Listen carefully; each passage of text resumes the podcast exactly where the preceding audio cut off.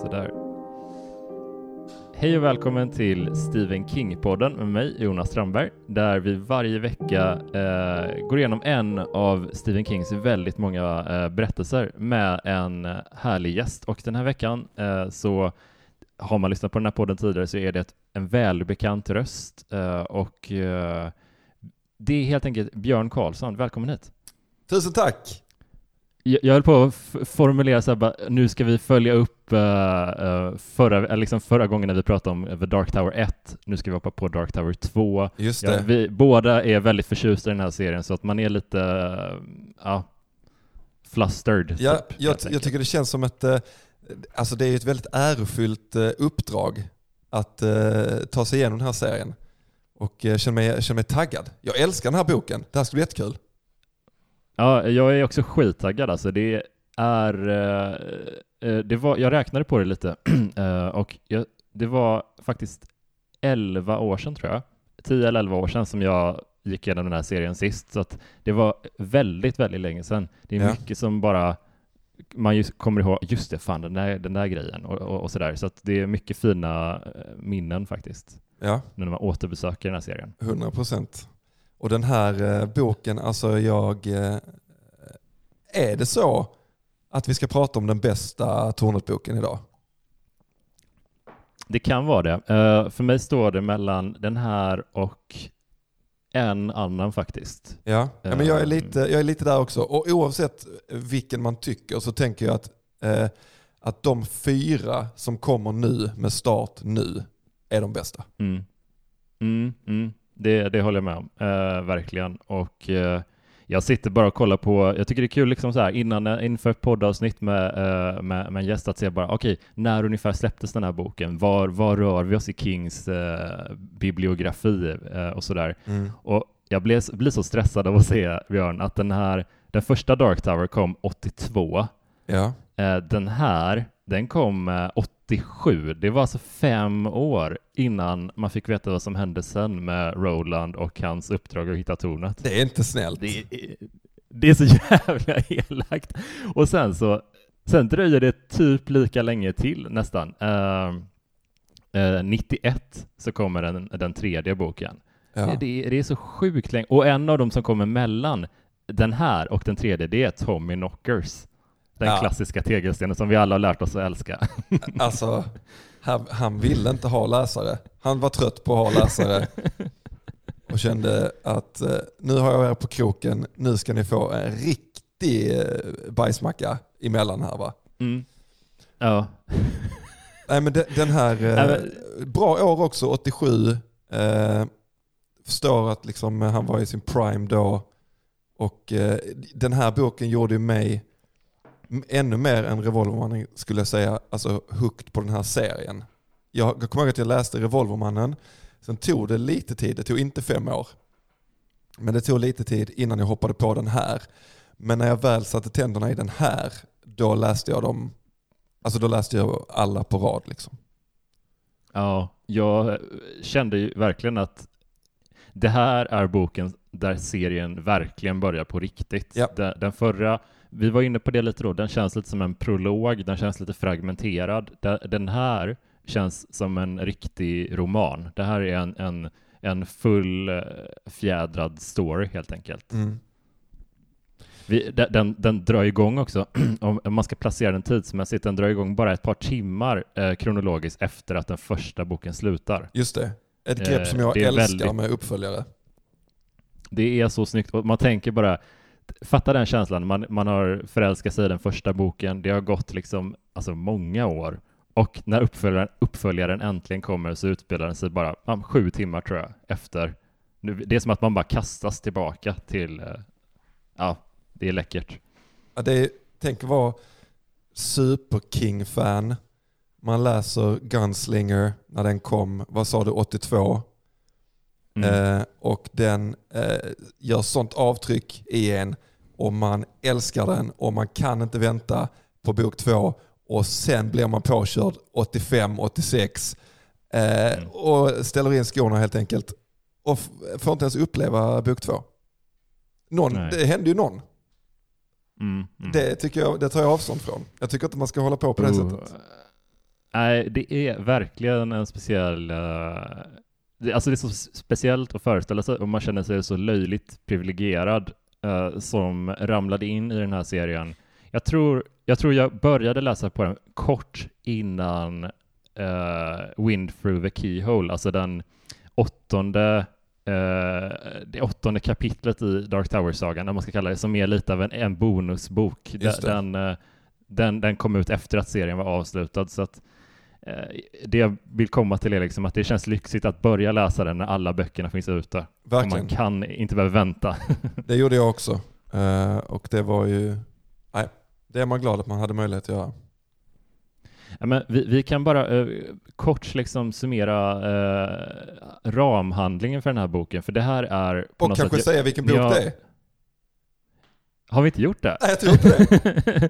Den andra, uh, ja, det är, vi, vi är lite snurriga idag. Uh, det är Dark Tower 2, The Drawing of the Three, eller De tre blir dragna. Just det. Uh, och den är på något sätt förordet till den version av boken jag läste, där namedroppar Stephen King Sagan om ringen och han sätter liksom den, het, den prologen som han har skrivit till den här versionen heter On being 19, om, liksom, om att vara 19, om, om vilka fördelar det är, om att, varför det är en toppenålder och sådär. Mm. Uh, men han, han berättar liksom om sin uppväxt när alla var, var tokiga i Tolkien, alla, alla var älskade hobbitarna och Sagan om ringen-världen typ. Det var en sån craze uh, ja. i hans kretsar då. Och det här är liksom Eh, det är så kul att sätta den här boken i kontrast med typ Sagan om ringen för att han, han nämner ju det lite grann att i, i ringen-världen så är det ganska ja men det, det är ett ganska homogent gäng, även om de ser, alltså vi har liksom kärntruppen är ju ett gäng hobbitar liksom. Mm. På något sätt. Sen så förstärks det gänget lite av ja, typ Aragorn, Gimli och, och så vidare. Så att, men det är ändå, kärntruppen är ganska snarlik på något sätt varandra. Ja men också att de som, alltså de som kommer till är ju så här, de har sina egna små quirks men de är fortfarande ganska lika. De är väldigt så här, drivna av heder och att liksom göra det rätta. Och de, alltså de, de, de, de kommer från olika platser men de är ju typ samma person lite. Ja. Uh, jag är inte, jag är inte världens Tolkien-fan, men jag, jag, jag tycker, jag, jag, tycker han har liksom han är fantastisk på värld, världsbyggande. Mm. Uh, men det är någonting som du är inne på, att karaktärerna har samma... Det är som att uh, jag läste nyligen om några, några av Narnia-böckerna där och uh, Peter som är storebrorsan i Häxan och Lejonet, mm. han är han är så broduktig verkligen. han, han är så här, han sätter alltid syskonen på plats när de beter sig illa på ett väldigt så här osympatiskt sätt. Typ. Okay. Och så känner jag lite att ganska många av hobbitarna och eh, medlemmarna i The Fellowship är. Eh, de har i alla fall drag av det. Ja. Men det, det jag menar med den här långa harangen, där, där vi pissar lite på Sagan om ringen, det är att... Jag sitter på nålar eh, just nu.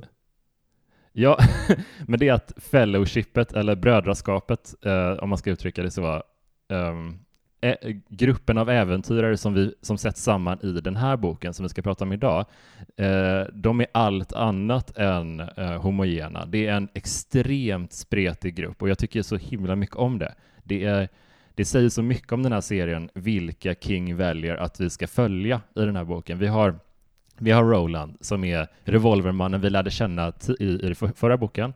Han blir väldigt tidigt i den här boken stympad. Mm han förlorar några av fingrarna på sin högerhand och eh, ja, ja, kan det... liksom inte använda den handen. Nej, och det är väl också jättedålig del av kroppen att förlora för en revolverman, tänker jag. Särskilt avtryckarfingret på sin... Ja men så här, så här tidigt också i en lång serie, att nu kan du inte använda högerhanden. Och det Nej. är så kul att det, det, den, den, är, den är ganska allvarsam, men den är inte lika allvarsam som den förra boken. Och det är det, jag tycker det är så kul för att man känner igen sig i världen, men samtidigt så när Roland blir, eh, det finns en, han vaknar upp på en strand där det finns någon sorts krabbliknande eh, djur, så han blir anfallen och förlorar fingrarna. Mm. Och en av de första grejerna han tänker det är typ att vilken tur att jag runkar med vänsterhanden. Det är, ja. så, det är så roligt att det är liksom, eh, men, men sen är, är, man lite tillbaka i, i, eh, i liksom hans liksom praktiska bekymmer. Det, det, det, var liksom, det är bara en sån grej som kastas och, och över axeln. Ja. Sånt, och den förra hade ju ingen, inget utrymme för humor. Alltså Revolvermannen, den förra boken, den var väldigt, väldigt allvarsam. Den var liksom inget skoj, inget skämtande. Det var bara bister, bistert allvar och eh, sammanbiten eh, beslutsamhet. Ja, och, här, och det är ju ändå genomgående här, liksom framförallt i, nu har vi inte gått igenom karaktärerna, det ska du få göra i fred, men liksom i eh, relationen och samtalen mellan Eddie och Roland så är det ju rätt mycket liksom, alltså det är mycket sarkasm och det är mycket som drar åt, åt humorhållet på ett väldigt subtilt, eller snyggt i alla fall, sätt. Um, men det, det, är verkligen som du säger att det fanns ju ingen plats för det i, i första. Här är det ju som att tonen, här sätts ju tonen. Tonen sattes ju inte i första egentligen. Nej. Ja, men det, det, är det som är så intressant för att det, eh, jag gillar verkligen hur den här boken är strukturerad, eh, hur den är uppbyggd för att eh, hela premissen är då att Roland ska sätta ihop sitt eh, lag som ska följa med honom till tornet. Eh, de, eh, han, han liksom är ute i, i den här eh, den här världen, den här ödevärlden och eh, helt plötsligt uppenbarar sig en, en dörr mitt ute i ingenstans från tomma luften och eh, den dörren leder oss till eh, Eddie Dean som är en kille i 20-årsåldern. Han sitter på ett flygplan i 80, visst var det 80-talet typ? 80, ja men typ när han kom ehm, ut nästan. Ja, nu sätter de mig på pottkanten här. Jag är lite osäker på, eh, men det kan det väl vara. Det är väl olika, ja 87.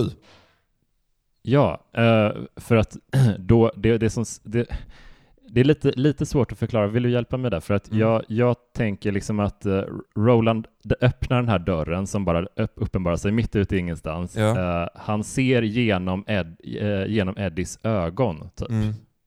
Precis. Är det så? Alltså han, alltså dörren, det han ser när han tittar genom dörren är ju det som Eddie ser när han tittar, mm. alltså sina ögon liksom. Precis. Så han ser ju insidan av ett flygplan helt enkelt. Mm.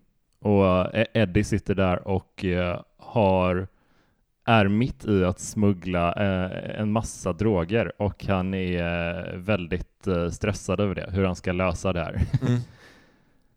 Förståeligt. Um, ja, verkligen. För det känns Men, ju också som att de har lite koll på honom. Mm. Så att, eh... Ja men precis, han är lite så skakig, lite all, beter sig lite allmänt eh, misstänkt på något sätt och eh, eh det som då eh, eskalerar hans paranoia är när Roland kliver in genom den här dörren. För det som då sker rent praktiskt är att han kliver in i Eddies medvetande. Ja. Så att Eddie, Eddie märker att någon kliver in i hans hjärna på något sätt. Precis. Och det där är ju en sån, jag tänker att den grejen, den får man ju bara köpa liksom. Alltså jag tror inte man ska mm. ge sig på att eh, så här, vad är det egentligen som, jag vet inte, han öppnar den dörren, kommer in där. Så. Ja, ja, absolut. Så får man bara köpa det. Och det funkar ju, liksom, det funkar ju verkligen. Ja, och jag tycker det här är en sån grej jag älskar med King, när det inte är Uh, det, det, är lite samma sak i 11.22.63. Det bara råkar vara uh, ett skafferi på en diner som är portalen till 60-talet, uh, ja. 50-talet. Och, som i Narnia, okej, okay, där finns det lite andra förklaringar, men alltså det, det, det behöver inte vara så krångligt. Man behöver inte ha... jag läste precis klart Den osynlige mannen, den här jättegamla boken från så 1890 mm. om, om en man som råkar experimentera på sig själv och bli osynlig. Och där lägger de så jävla mycket tid på att förklara vetenskapen varför han kan vara osynlig typ. Och det, ja. det hade sin charm på den tiden och det var väldigt nyskapande när den kom, jag fattar det. Men nu, jag orkar inte läsa den här pseudovetenskapen, det är så tråkigt. Ja men det där är ju, alltså, oh, jag precis, nu blir det sidospår, men jag är också håller på att läsa de här, eh, med reservation för uttalen. Han här kinesiska författaren Chichin Liu, eller Chichin Liu eller vad fan han heter, som har skrivit uh, mm. The Three Body Problem. Som är liksom en sån här episk sci-fi uh, trilogi. Som, och han är liksom, men han är typ fysiker eller någonting i, i grunden och sen har han skrivit en, en sjukt invecklad trilogi om att det finns en eh, intelligent liv som är på väg till jorden. Eh, och så finns det en, eh, jävlar vad det blir eh, korthugget nu, så finns det i alla fall ett, ett spel på nätet eh, som egentligen då, som folk spelar men egentligen så är det ett eh, företag eller ett sällskap som har konstruerat det spelet för att ta reda på vilka som är jordens liksom, skarpast lysande stjärnor som kan lösa problemen i det spelet. För då behöver vi dem nu när det här hotet kommer utifrån, typ. Mm. Eh, och där är det också så att de liksom förklarar så här, ja, men, eh, hur himlakroppar rör sig och därför har det blivit så. Men de nöjer sig inte med det utan då är det också 300 sidor om fysiken bakom varför det kan vara så. Och liksom, oh, här finns ett stort slagfält där det har varit ett intergalaktiskt krig och nu har det skapats massor med svarta hål. Och det som kan hända då, där, där, där, och så är det liksom, alltså det är så jävla tungrott. Så att man blir nästan, man blir liksom, man får sitta med papper och penna och vara så okej okay, nu ska jag läsa 20 minuter och så är det som att man pluggar inför en tenta liksom. Och fy fan vad utmattande. Och, förklara, liksom, och de förklarar, de pratar om så här, eh, att för oss som lever i den tredimensionella världen så är det väldigt lätt för oss att förstå hur den tvådimensionella världen lever. Alltså om det skulle finnas, att om vi ritar en cirkel på ett papper och så ritar vi en punkt utanför och så ska vi säga till den punkten, ta dig in i cirkeln. Så fattar vi att det är omöjligt för det finns ingenstans på ett tvådimensionellt plan att ta sig in. Medan för oss i mm. tredimensionella världen så kan vi se det utifrån och så bara, ja men du kan bara gå över strecket liksom. Mm. Och så förklarar han då, ifall det finns en fjärde dimension då, eh, som, som påverkar oss med då, alltså att han tar in tid. Hur skulle det då se ut för någon som lever, alltså så här, och så bara, ja ingen vet men du drar ändå det på 300 sidor. Så att då får man ju liksom, då blir man ju hjärntrött. Och här är det verkligen ja, det, raka motsatsen.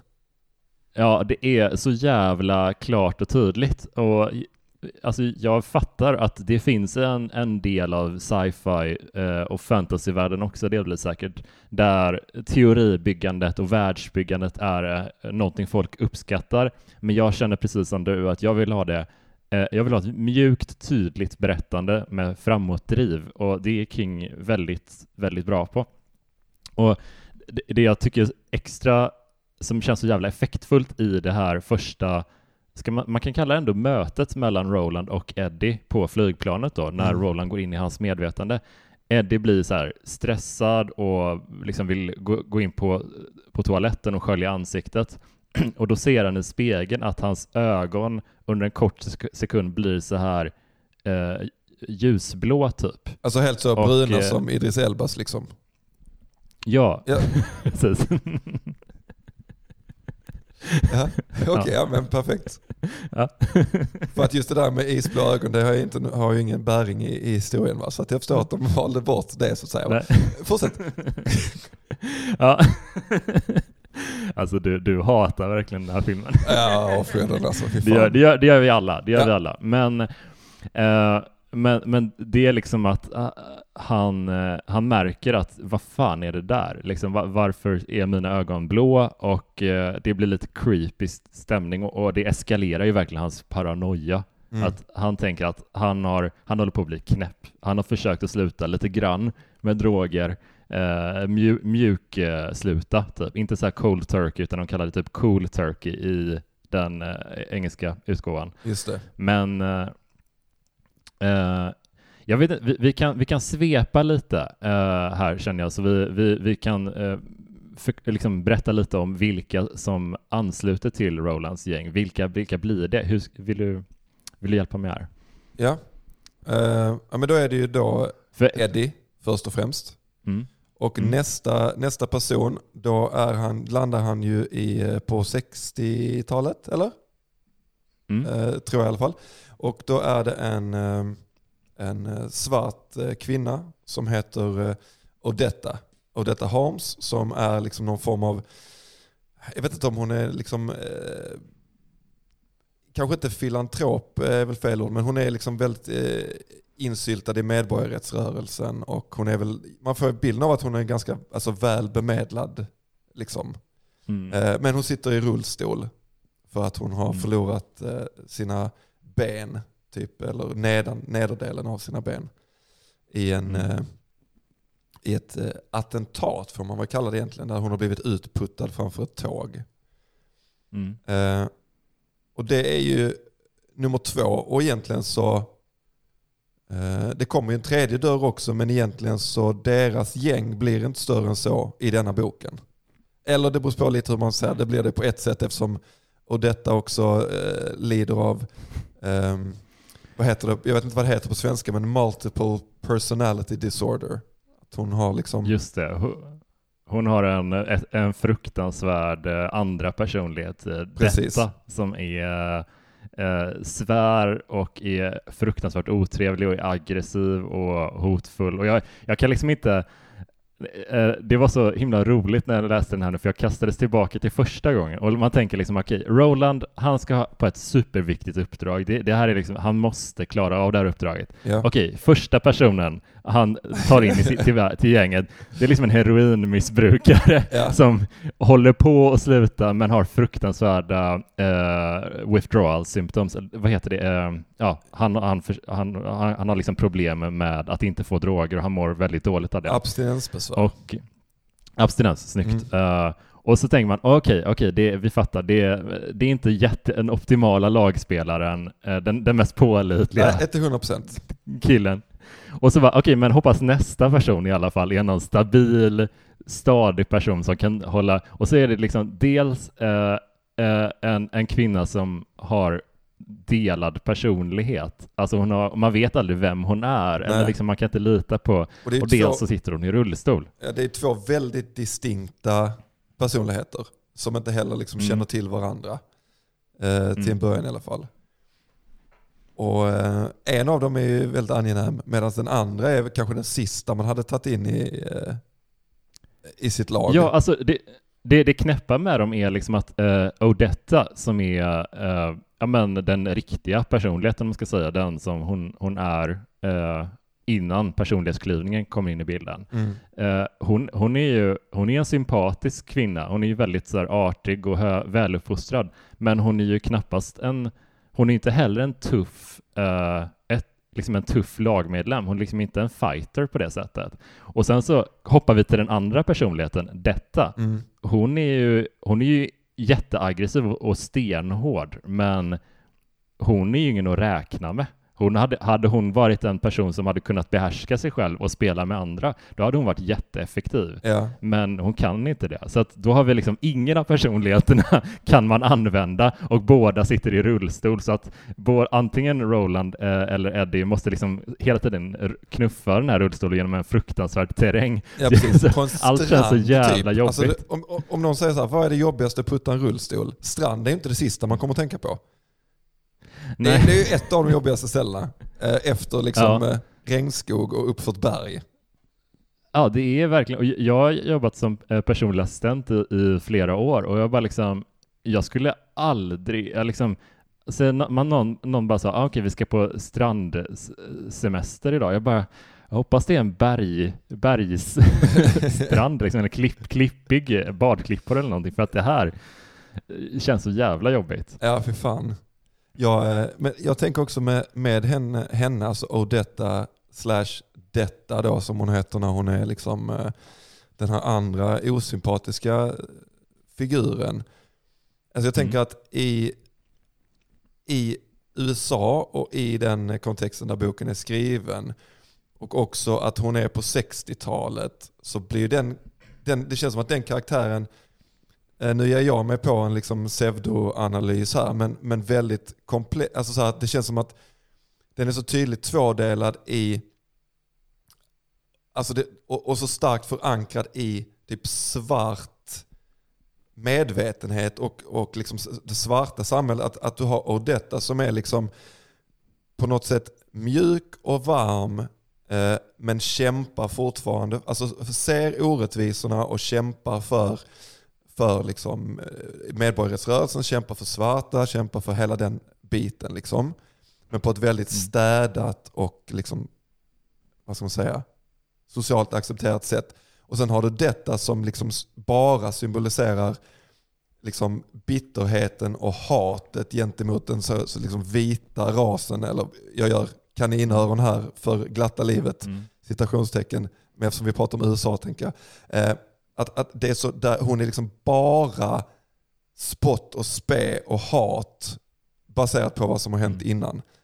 Att det, det är liksom verkligen så här två, jag tänker att det är två helt eh, olika sidor av samma mynt. Vilket är ett jävligt snyggt grepp att göra det till två personer i samma person.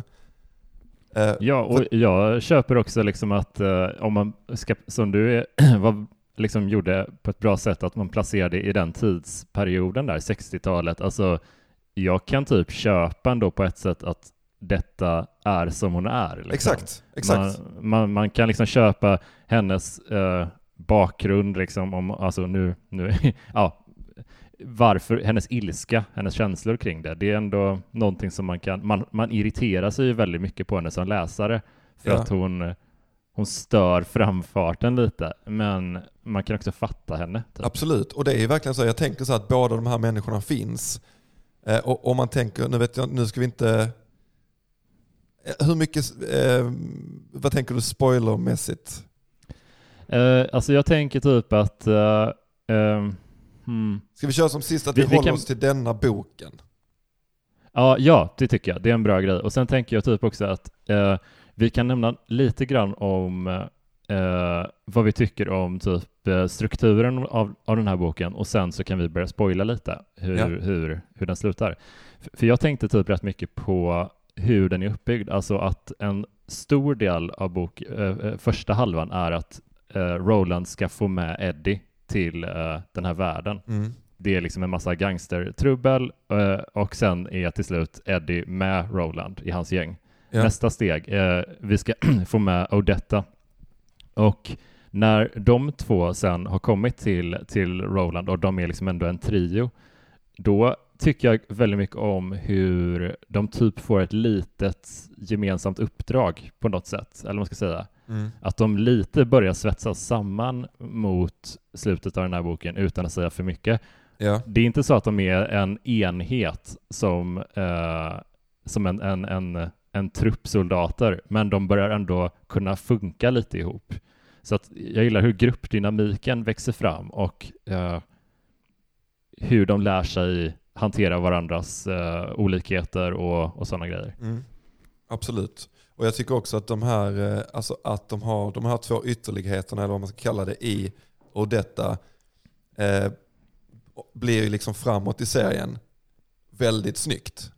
För att det, mm. det, det gifter sig eh, så jäkla bra om man fattar att ah, okej, okay, det här blir ju perfekt liksom. Ja, och det, det är så snyggt hur, eh, hur, hur man om man, om man, om man tänker liksom, jag vet inte om, om alla tänkte så, så men, men, som jag tänkte i alla fall att det, man blir lite irriterad på att de lagkamraterna Roland får är sådana konstiga personer med så mycket, många brister och sådär. Det visar sig mer och mer under den här boken att man, man börjar ana att det kanske faktiskt är jätte, jätte positivt att de är så himla olika. Mm. Uh, och det kommer vi få se lite mer framåt också i serien, att det, deras olikheter är verkligen en supertillgång på olika sätt. Verkligen. Men eh, kan vi, ska vi spoila lite kanske? Ja, det Eller kan vi väl göra. Som du, uh, Nej, men... in, innan vi börjar med det, liksom, jag tänker att den här boken är uh, verkligen ett, alltså kände man lite med den förra Dark Tower att fan vad det här var segt. Det, det, det är lite för allvarsamt, det är inte så, eh, det går väldigt långsamt typ. Så tycker jag att den här är verkligen en, som vi var inne på i början, en extremt välstrukturerad roman. Den, är, den hoppar mellan lite olika världar och sådär och olika typer av livsöden, men allting är, det finns en plan med allting känner man hela tiden. Det känns inte som att han hittar på eh, under tiden, utan det känns som att han verkligen har suttit innan, planerat vilka ska spela en viktig roll här, hur får vi, hur får vi ihop dem? Exakt. Så, så känner jag i alla fall ja. med, med, Kings liksom, struktur kring den här boken. Och verkligen att det, det börjar här. Alltså, mm. man skulle kunna eh, nästan liksom inte läsa första boken. Alltså på ett sätt mm. och börja historien här, man hade ändå liksom kommit in i det. Jag tycker också det är snyggt som du var inne på, det här med att han förlorar liksom fingrarna direkt. Att det är så, mm. så jävla kraftfullt grepp att man, liksom, han kallas för Revolvermannen. Första boken heter Revolvermannen. Allting kretsar kring att han är liksom en revolverman som är lite av en relik från en svunnen tid. Och sen så nu bara pang så tas det ifrån honom. Egentligen liksom. Mm. Och han blir, han blir fullständigt beroende av Det är skitfett alltså. Det, det, det, gör, det är så eh, snyggt också. Ett, det så, ett snyggt sätt att liksom, uh, rättfärdiga ja. att de två andra, uh, Eddie och uh, Odetta, att de har sina brister. Uh, för det har Roland också. Och det, det är liksom, alla har någonting som, sa, som saknas dem på något sätt. Mm. Men uh, spoil, ja. Låt oss spoila, spoila lite. Ja, uh, men ska vi hoppa att, in på uh, spoiler-territorium? Den heter ju The Drawing of the uh, och då, det här, den här processen, The Drawing, är liksom att Roland mm. då plockar in en person från en annan värld till sin värld. Och den tredje då, efter Eddie och Odetta, som han får gå in i, vars medvetande han får besöka, det är ju mördaren Jack Mort, som jag faktiskt hade glömt bort eh, på de här åren. Jag hade mm. glömt bort att jag tänkte typ att ja, Eddie kommer jag ihåg, ah. kommer ihåg vem fan var den? Var det någon som försvann lite sen under, och sen bara nej, nej, okej, det är deras, han är deras typ, inte det, men, men ett, ett tidigt uppdrag för Roland liksom på något sätt. Men du, du, du hade inte för dig att den tredje var Jake liksom? Eh, jo, jo, det hade jag nog. Att det, att det var liksom, han kommer tillbaka och sådär. För vi får ju faktiskt se Jake eh, i, mot slutet av den här boken. Eh, han, mm. Roland räddar då honom. För, för den här anledningen till att Jake från början hamnar i Rolands värld i den första boken, det, den processen får vi se lite här. Att det är, mm. det är för att han blir nedknuffad på ett järnvägsspår och dör. Uh, och det är alltså någonting som Roland då stoppar i den här boken. Är det, blir, han inte, blir han inte påkörd av en bil? Jo, det kanske, kanske. kanske. uh, något av det. Han blev påkörd han, av något. Ja, precis. För, just det, Roland stoppar i alla fall hans, hans dödsfall, vilket, vilket eh, kanske kommer få eh, konsekvenser framåt i serien. Vi får se. Kan vi inte veta i dagsläget. Kan inte föreställa sig. Jag tycker det är snyggt som fan också att den heter just Drawing of the Three. Och så är det liksom en dörr, en blir dragen. En dörr, en blir dragen. Och sen så kommer de ju till dörr nummer tre. Och då är det ju, alltså då är det ju 100% i läsarens hjärna så okej, okay, spännande, vem blir nummer tre? Nu ska det dras en till. Eh, och så görs ju inte det eh, på något sätt. Utan på något sätt så blir ju kanske då eh, ja, men nu, nu är det fritt att prata va? Att så, ja, ja, då blir väl eh, liksom, eh, alltså, det menas väl snarare att kanske då att Susanna är den tredje liksom på något mm. sätt. Eh, mm. Att liksom när Odetta och Dettas personligheter går ihop till en mm. så, mm. så är det en ny person. Och då blir det Men då blir, då blir det äntligen den där personen som, hade, som har båda sidorna, som har självdisciplinen av Odetta och eh, eh, handlingskraftigheten av detta på något sätt. Precis. Det blir de i och för sig kanske fyra. Jag vet inte riktigt hur det är tänkt här, vem som är vad. men det, men, eh, eh, precis, eller så är de the three är och detta, detta och Eddie. Jag vet inte hur, de, hur det är tänkt. Men jag tycker mm. det är en snygg curveball för man förväntar sig att så här, ja, men nu kommer det en till karaktär som vi ska lära känna. Och så gör det mm. inte det liksom.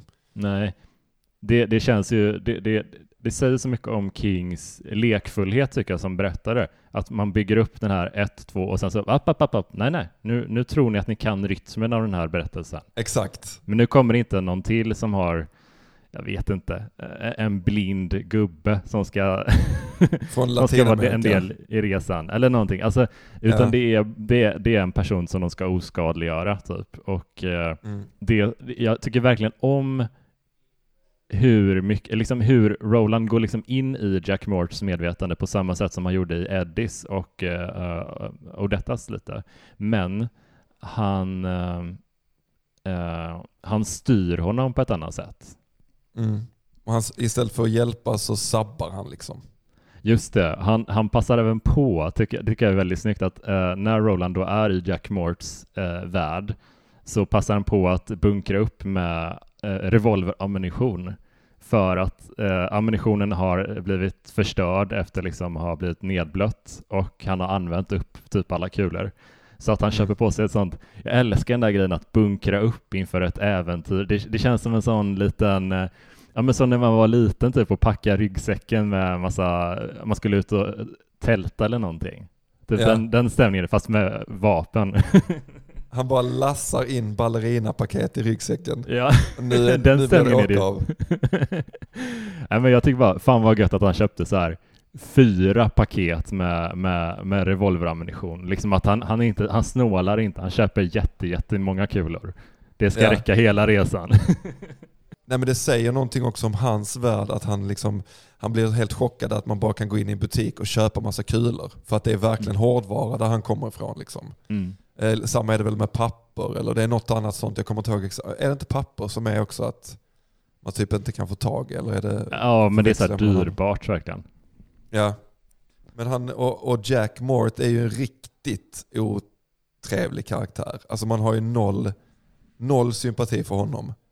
Jag, jag blev så jävla stressad när, när, han, eh, när man fick se att vem han var och man började förstå liksom vad han var för typ. Att eh, hopp hoppas inte att han ska vara med i gänget och att King verkligen ska göra Nej men att King, jag, jag, jag kollar lite så på uh, hur det såg ut för King liksom under den här perioden. Alltså, han hatade inte att göra skurkarna till, uh, till hjältar eller liksom att rättfärdiga mörkt, alltså onda personer. Det, det är liksom, vi har vi har Dark, Dark Half, vi har Tommy Knockers, uh, vi har ändå Misery där man ändå får liksom rätt mycket sympati för Annie, även om hon är skurken. Han, han mm. gillade att gör, leka med den grejen lite kring den här perioden. Uh, så jag tänkte, hoppas inte att han ska vara en del i uh, fellowshipet, men uh, det är han absolut inte, utan hela an anledningen till att Roland får se Jack Mort är liksom att han ska hämnas typ. Eller hur, hur tolkar du den, den här, det här lilla uppdraget, sista delen av boken? Ja, alltså... Eh, fan, jag vet inte om jag har funderat så supermycket. Men för, för jag, eh, det blir ju liksom... Det blir någonting som de eh, måste göra ihop på något sätt. Mm. Och att eh, att det, att det ska knyta an till Jake som ändå är en liksom, väldigt viktig karaktär. Eller så är det bara det de behöver göra för att få fram Susanna. Att det är liksom... Ja, så är det nog. Eh, att, att, det, är det, som är, att det är det som är målet. Liksom. Att, för att, och detta, och detta liksom har ju inga beröringspunkter egentligen. Men Jack Nej. Mort blir ju deras beröringspunkt. Just det, och då, det, det som eh, sker är liksom att Roland liksom eh, eh, till slut eh, som Jack Mort så tar han livet av Jack Mort och ser till att mm. han blir överkörd. Och precis innan han dör, Jack Mort, då ropar Roland på eh, Odetta så att hon ska få se honom dö. Hon ska se ja. att han, han, hon, hon blir liksom eh, eh hämna, ja, han hämnas henne helt enkelt. Och det är det som på något sätt fusar, sammanfogar uh, och detta och detta. Ja, precis. Ja, det är väl det Men, som det är, att det är ett verktyg för det framför allt. Liksom. Ja, alltså jag, jag, tycker om att det blir den typen av berättelse för att det hade ju kunnat bli också att han hade plockat in Jack till uh, deras uh, lilla fellowship men och att den, en, den riktigt, riktigt jävla pissiga dynamiken skulle eh, vara en stor del i liksom deras uppdrag på något sätt. Ja. Att han ska få kanske göra rätt för sig, typ att han ska få, ja men någon sån jävla berättelse. Men jag gillar att det inte är det, utan att det här är en ond människa som ska bort från spelplanen. Ja, precis. Och det hade kanske blivit lite kaka på kaka också om man hade, om Jack Mort hade kommit in i bilden och vi fortfarande hade haft detta och Odetta. Alltså då hade det ju varit en riktig, eh, hade ju någon annan eh, tagit livet av sig i Ja. gänget liksom. Men det, det är så intressant att se, för att eh, utan att säga för mycket om de eh, kommande böckerna, så jag tycker väldigt mycket om hur eh, King hanterar gruppdynamiken, hur de gradvis svetsas ihop mer och mer som grupp. Och det här är ju en sån grej att eh, Odetta, eller ja, hon får se liksom att Roland gör någonting för mig. Han, eh, han ger igen på den här jäveln som skadade mig Mm. eh, och tar, dödar honom. Och, och, och då, då blir ju de, då får de ett band. Och eh, Odetta och eh, Eddie, de är ju redan typ ett kärlekspar, ett begynnande kärlekspar i alla fall. Så att Absolut. de två är, och Eddie och Roland börjar bli lite mera, de börjar förstå varandra lite mer. Så att man märker liksom att de är inte världens tajtaste grupp än, när den här boken är slut, men de börjar verkligen bli eh, en, eh, ett gäng, ett katet, Ja. som, som de kallar det. Exakt. Och eh, vad svetsar inte ihop en grupp mer än att eh, slänga in ett barn i bilden också? Mm. Får vi se. Mm. ja, vi får se vad som händer. Ja, Va- vad som händer. men men det, jag kände lite att jag blev lite rörig ibland eh, när man skulle berätta om den här boken, för den är inte så ostrukturerad alls. Den är extremt väl eh, disponerad skulle jag säga. Vi, det, det finns Ja. liksom det Den finns är några enkel olika. att följa. Den är väldigt enkel att följa. Det är inte så att man hoppar tvärt mellan alla världar hela tiden, utan det är väldigt mycket att okej, i början så är vi hos Roland, sen Eddie, sen Roland, sen eh, Odetta. Och så, så att det är väldigt Ja. sammanhängande partier för varje karaktär. Så att det blir Absolut. inte störigt och hoppigt för läsaren. Och det, det tycker jag är väldigt snyggt. Ja, man kan ju verkligen förenkla det bara att han, här, han går på stranden, öppnar en dörr, där inne löser han ett problem. Tillbaka på stranden, går vidare, ny dörr, nytt problem. Mm. Alltså, så det är ju inte krångligare så egentligen. Nej, det, är- det, det känns så himla kul på något sätt att, att vara tillbaka i den här världen. För att det, det, jag, jag hade, kom inte riktigt ihåg så hur konstig den var. den, den är, det är verkligen så här, man vet inte exakt vad det är för regler än som gäller. eh, Nej, absolut inte. I det här universumet. Vi har inte, vi har inte träffat så många eh, yttre hot än, utan eh, det, vi vet liksom inte vad som väntar oss när vi är vid det här, vid det här partiet i, i Dark Tower. Nej. Och eh, jag ser otroligt mycket fram emot att återbesöka nästa bok, för den har jag också väldigt eh, så fond memories av. Jag kommer ihåg att jag, eh, att jag också älskar den boken. Jag tror att Eh, det är... jag, tror, jag, jag bara tänkte på det vi pratade om innan, det här med att han inte känner liksom det här behovet som då three body problem, att man måste liksom förklara det fyrdimensionella planet för i- 200 sidor. Att Mm. det kan ju också vara, både du och jag har vi väl konstaterat, gillar det. I, för, Mm. att, för att det tillför inte så mycket i den här berättelsen. Det är inte det berättelsen handlar om, det är inte det som är det viktiga. Det viktiga är inte hur, hur funkar det? Hur funkar den här dörren rent liksom fysikaliskt eller vad man ska säga. Liksom. Mm. Men det kan också vara, tänker jag, att precis en sån här bok som gör att många som liksom har en negativ bild av King och som tycker liksom att ah, men det är bara skit, det är bara övernaturligt. Eh, och jag tänker som, eh, vi har varit inne på det när vi pratade om någon, någon annan bok med min, min pappa som har haft ett sånt liksom inbyggt agg mot liksom att säger, de hans, säger han hans namn så tänker han så här, äh, det där är trams. Liksom. Mm. Att, jag tänker att det är personer som när den här dörren öppnas då känner ett behov att de måste fråga hur eller varför. Och om man inte får svaret så blir man så, ja men då är det ju bara liksom, hur funkar det här ens? Det här är bara trams. Mm. Men om man kan liksom, jag tror på, på riktigt att om man, att vem som helst som börjar läsa King, Mörka Tornet till exempel, eller Det, eller Prästens tid, eller någon annan sån som jag menar är otroliga liksom, läsupplevelser. Om man kan stänga av den delen av hjärnan, att man inte måste haka upp sig på hur. Att man bara kan så här, go, go along with, for the ride. Liksom, och bara, mm. aha, nu är han där. Nu vill mm. jag höra den här berättelsen. Så har jag mycket svårt att tro att man inte skulle bli fångad. Liksom.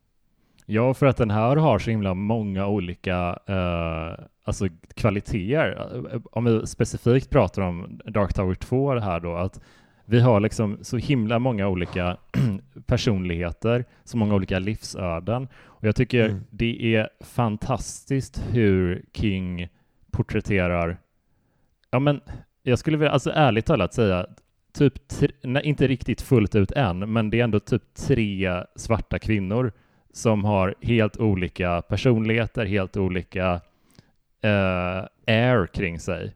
Och yeah. att han är så oerhört bra på kvinnoporträtten i den här boken, att han liksom kan, kan ändå hantera tre helt olika typer av människor. Mm. Det tycker jag är fantastiskt snyggt, för att jag har ju också varit lite på honom ibland, att kvinnoporträtten kanske inte alltid är pitch perfect, men här tycker jag de är fruktansvärt bra.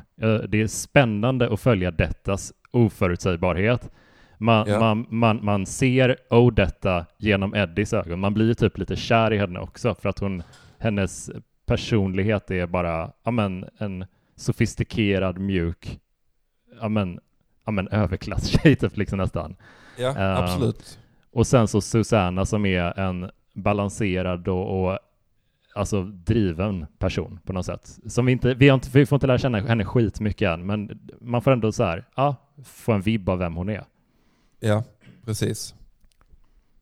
Och hon kommer ha en stor roll eh, i historien liksom, framåt. Det, det kommer hon verkligen ha. Uh, och alltså jag sitter bara som sagt och tittar, om vi ska återknyta till uh, början av avsnittet, att, att den här kom 87, uh, eh, Dark Tower 3 91, Fy mm. fan mm. alltså, det är fyra det är fyra år alltså. Det Men då hörs du och jag 2027 och så snackar vi om Wastelands.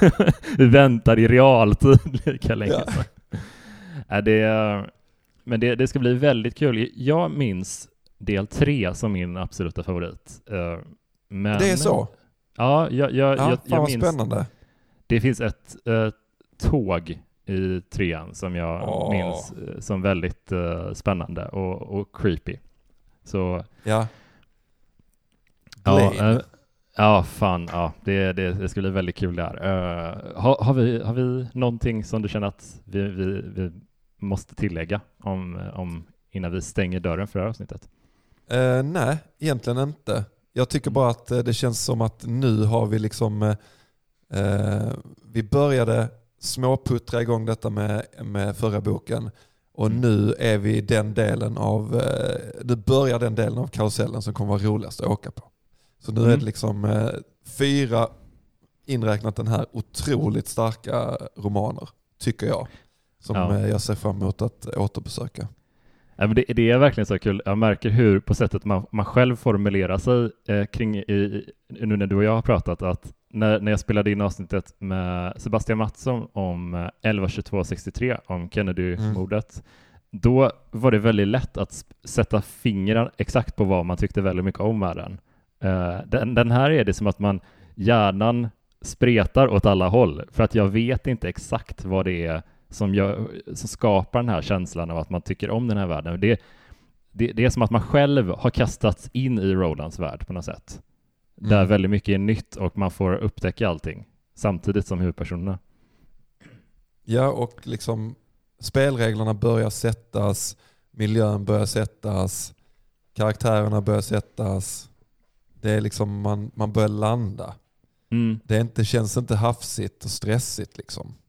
Nej, det, det ska bli väldigt, väldigt kul att, att få eh, prata med, om Wastelands med dig så snart vi båda har hunnit läsa den. Uh, det, ja, absolut. Ja, Fan vad, fan vad kul det var att, att podda om Dark Tower med dig igen. Det, det känns kul att ha en sån Dark Tower-nörd ja, med sig på den här resan. Ynnest. Det är en ynnest att sitta här. Ja, jag ser fram emot nästa. Uh, men uh, ja, jag tänker så här, det, det, finns säkert många av våra lyssnare som har väldigt många åsikter om, uh, om den här boken och om den här serien. Men jag tänker att när vi, jag brukar lägga upp en liten bild med liksom, vilken bok vi har snackat om för varje vecka och när, ja. när vi pratar om den här boken så i Facebookgruppen för den här podden, så försök att hålla det till boken och inte spoila framåt så att våra lyssnare kan liksom följa med på resan. Man ska inte bli spoilad för mycket framåt, utan eh, ja, försök hålla diskussionen till den här boken så är ni jättegulliga. Uh, det låter väl rimligt? Och, ja, men vi, det, det, vi försöker vara snälla mot dem. men uh, återigen, tack för att du var med i podden Björn. Det är alltid jättefint att prata King med dig. Eh, tack för att eh, du har lyssnat på den här eh, supernördiga diskussionen om Mörka tornet. Hoppas vi hörs eh, snart igen. Hej då! Hej då!